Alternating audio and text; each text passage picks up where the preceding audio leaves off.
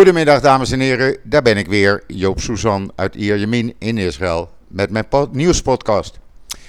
Ja, een spannende dag vandaag, de komende uren. Dan zal er moeten blijken of Israël na twaalf jaar een andere minister-president en een andere regering gaat krijgen. Maar daar zometeen over. Eerst even het weer.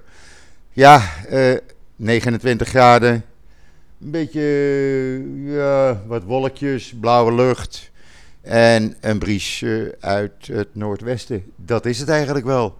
Daar moeten we het dan mee doen. Vanmorgen om 6 uur was het al uh, 24 graden.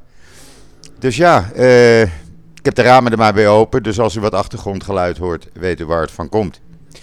En dan de komende uren. Om 4 uur vanmiddag. Dan moet het gaan gebeuren. Dan begint de stemming in de Knesset over uh, ja, de goedkeuring van de nieuwe regering. En dat gaat erom spannen. Uh, de Knesset heeft, zoals u weet, 120 uh, eh, zetels. Um, de nieuwe coalitie kan rekenen op 61 van die 120 zetels. Dat zou dus een, ja, een eitje moeten zijn. Maar zoals altijd was er nog, of zijn er nog problemen eigenlijk. Uh, er was een lid van uh, de Ra'am, islamitische Ra'am-partij, meneer Al-Haromi. Die kreeg opeens uh, van Netanyahu allerlei aanbiedingen via assistenten. Terwijl er op hetzelfde moment in zijn thuisbasis ja, gedreigd werd met het slopen van illegale woningen. Ja, die man die, uh, die zei toen, oh wacht eventjes, uh, als dat gestopt kan worden, nou dan stem ik niet tegen, niet voor deze regering. Dat zou dan betekenen dat uh, de regering geen meerderheid heeft. Nou, dat is net op het laatste moment, schijnt dat afgewend te zijn. er schijnt een regeling getroffen te zijn met hem. Netanyahu is het dus, zoals het er nu uitziet, niet gelukt om deze man om te praten. Een andere uh, uh, lid van de partij van Lieberman, van Israël Betenu, meneer Avidar, die zegt: uh, Ik ga me niet meer houden aan het stempatroon van mijn partij. Ik bepaal zelf wel hoe ik ga stemmen.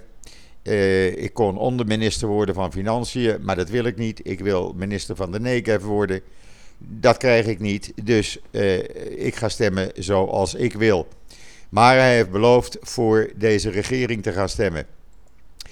Uh, ja, je weet het dus niet. Uh, Netanyahu heeft afgelopen vrijdagmorgen in alle vroegte eerst aan Gans nog het aanbod gedaan van luister, uh, als ik nu aftreed en jij drie jaar uh, minister-president uh, wordt, dan kom ik na drie jaar weer terug en dan word jij weer minister van Defensie. Nou, dat werd afgewezen. Toen heeft uh, Netanyahu dat door zijn assistenten nog aan Gideon Saar uh, hetzelfde aanbod laten doen. Uh, ook die wees het van de hand. Dus ook daar haalde Netanyahu nul op het request. Maar zo blijft hij het proberen tot de allerlaatste seconde. en we zullen zien hoe dat dan zo dadelijk gaat lopen. Ik heb op israelnieuws.nl het tijdschema neergezet. Uh, wat er vandaag gaat gebeuren. Hou er rekening mee, het tijdschema wat er staat zijn Israëlische tijden. U moet het dus een uur vroeger gaan berekenen.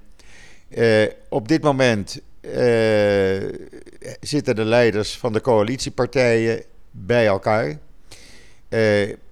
die vindt plaats in de Knesset, maar niet toegankelijk voor de pers. Om drie uur uh, gaan alle partijen die in die coalitie zitten, dat zijn er dus acht, die komen afzonderlijk bij elkaar. En om vier uur begint dan de stemming in de Knesset. Uh, alle partijen, uh, eerst gaat uh, Bennett spreken, dan Yair Lapid, dan hoogstwaarschijnlijk Netanyahu, want die wordt de komende toekomstige leider van de oppositie. En dan mogen alle overige partijvertegenwoordigers nog maximaal ieder negen minuten het woord voeren voordat de stemming plaats gaat vinden. Uh, als die uh, nieuwe regering dan wordt goedgekeurd, dan zullen kort daarna alle leden van die nieuwe regering, en dat zijn 28 ministers en zes staatssecretarissen, naar de residentie van president Rivlin gaan. En uh, daar zal dan de tra traditionele foto met de president worden gemaakt. Uh, trouwens, Rivlin stopt over drie weken. Op 9 juli is zijn termijn beëindigd. En wordt hij opgevolgd door Isaac Herzog. Dan is er om half negen Nederlandse tijd een feestelijke bijeenkomst van alle uh, ministers en alle partijleden van de nieuwe regering. Die gaan dan met z'n allen eten en toasten. En om 21 uur is er een uh, inaugurele kabinetsvergadering in de Knesset. En die zal ook live worden uitgezonden. Nogmaals, dit is het programma als dus de 61 stemmen meerderheid worden gehaald. Het betekent dat het, uh, ja, het is toch wel een historische dag voor Israël. Want uh, als deze regering dan beëdigd gaat worden, betekent dat het einde van het 12-jarige bewind van Benjamin Netanyahu als premier van Israël. Uh, gisteravond, zaterdagavond, werd er voor de 51ste keer en waarschijnlijk de laatste keer in Jeruzalem door de Black, Black Flag organisatie gedemonstreerd tegen Netanyahu. Uh, ja, men heeft dat wekelijks volgehouden. Uh, en men zegt dus, ja, als hij echt vandaag van het toneel verdwijnt, dan hebben wij bereikt wat we wilden. Uh, het programma van uh, de nieuwe coalitie, het ziet er veelbelovend uit. Maar nogmaals, zij hebben de kleinst mogelijke meerderheid in de Knesset. Het hangt er dus helemaal vanaf wat mogelijke orthodoxe partijen zullen gaan doen. Zullen die waarvan wordt verwacht bijvoorbeeld de Sjaspartij, zal die uh, toch over een paar weken op hangende pootjes naar uh, Bennett en Lapid komen van joh, laat ons nou ook meedoen, want we merken dat we geen geld meer krijgen. Je weet het niet, de kans zit erin, er wordt rekening mee gehouden en dan is die meerderheid natuurlijk niet zo minimaal meer. Je kunt het coalitieprogramma lezen op israelnieuws.nl. Het ziet er goed uit. Uh, het eerste wat ze gaan doen bijvoorbeeld is een staatscommissie oprichten voor onderzoek naar de ramp uh, op de berg Meron, waar 45 mensen omkwamen. Netanyahu heeft dat niet willen doen, omdat hij werd tegengewerkt door de orthodoxe partijen. Er komt een nieuwe luchthaven, er wordt veel miljarden geïnvesteerd in de Arabische sector. Men wil uh, de misdaad aanpakken in de Arabische sector. Uh, men wilde uitkeringen voor mensen, uh, voor senioren tot 70% uh, van het minimumloon gaan maken. ja, nogmaals, een veelbelovend programma, maar, maar hoe lang gaat deze regering zitten? lukt het ze drie maanden, zes maanden, negen maanden, een jaar? Of misschien toch de hele termijn uit te zitten? Het is op dit moment totaal onzeker. Het enige wat zeker is dat er eindelijk weer het land geregeerd gaat worden. Dat er eindelijk, als deze regering beëdigd is, over 145 dagen, dus zeg maar een goede drie maanden, drieënhalve maand van nu, een budget is. Dat hebben ze zich ten doel gesteld. Israël heeft al 2,5 jaar zo geen budget meer, werk zonder begroting. Omdat Netanyahu geen budget wilde, want ja, uh, dat was volgens hem niet nodig. Het ging zo ook wel goed. Maar ja, je kan geen geld uitgeven als je niet weet hoeveel er binnenkomt natuurlijk. Um, wat men ook gaat doen is uh, bijvoorbeeld de uh, verkoop of de bepaling van koshercertificaten niet meer alleen door het opera te laten doen, maar ook een andere organisatie mag dat gaan doen, waardoor dus de prijzen zullen dalen, wat uiteindelijk in het voordeel van het publiek is. Want ja, als je minder uh, betaalt aan het kashrut, aan het kosher vergunningstelsel, dan hoef je je prijzen, uh, kan je dan ook verlagen. Um, er wordt gekeken naar beperkt openbaar vervoer op Shabbat. Iets waar de religieuze partijen tegen waren. Maar ja, luister. Als iemand in Petah Tikwa woont, ik noem maar wat, uh, oostelijk van Tel Aviv, en die wil op Shabbat naar het strand, dan is er geen trein of bus kan hij niet naar het strand. Dus als daar beperkt openbaar vervoer is, kan iedereen eh, toch doen eh, zoals hij of zij wil op Shabbat. Omdat niet iedereen zich aan de Shabbat houdt. Uh, men gaat ook allerlei andere zeg maar, zaken die de orthodoxie aangaan en die exclusief worden gedaan, behandeld door de orthodoxie, die gaat men eruit halen.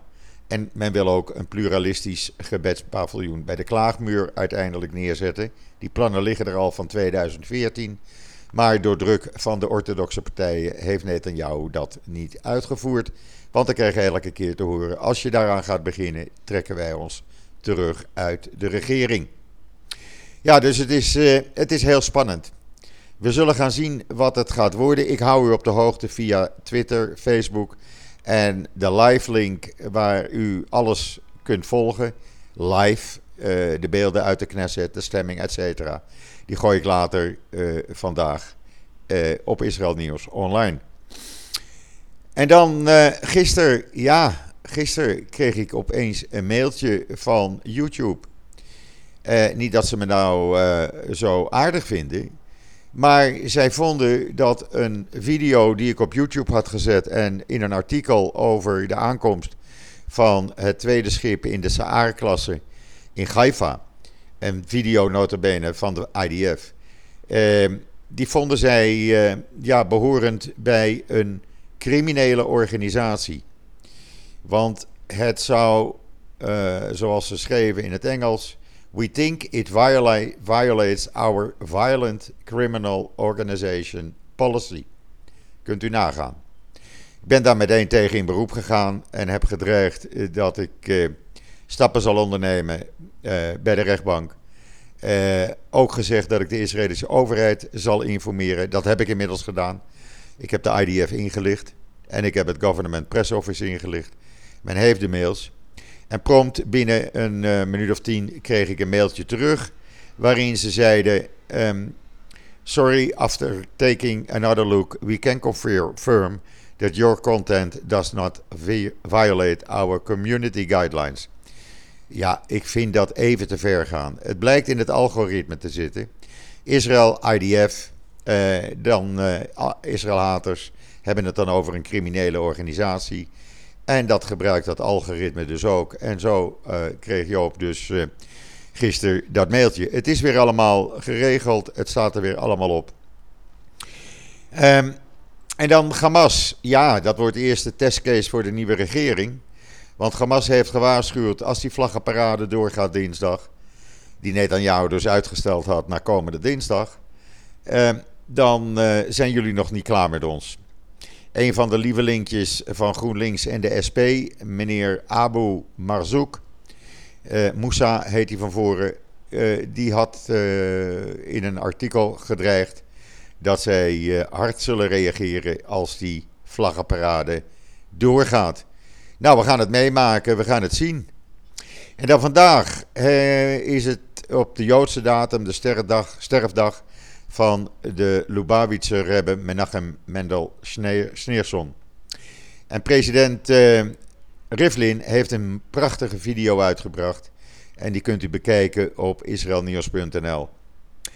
Dan ga ik me nu weer bezighouden met alles wat er speelt rond de nieuwe regering. Uh, blijf mij, uh, ik blijf u op de hoogte houden. Ik laat u alles meebeleven, zoveel mogelijk. En uh, ja, dan wens ik u voor de rest nog een uh, hele fijne, mooie zondag toe. En ik ben er morgen weer met veel politiek nieuws natuurlijk. En zeg zoals altijd: tot ziens, tot morgen.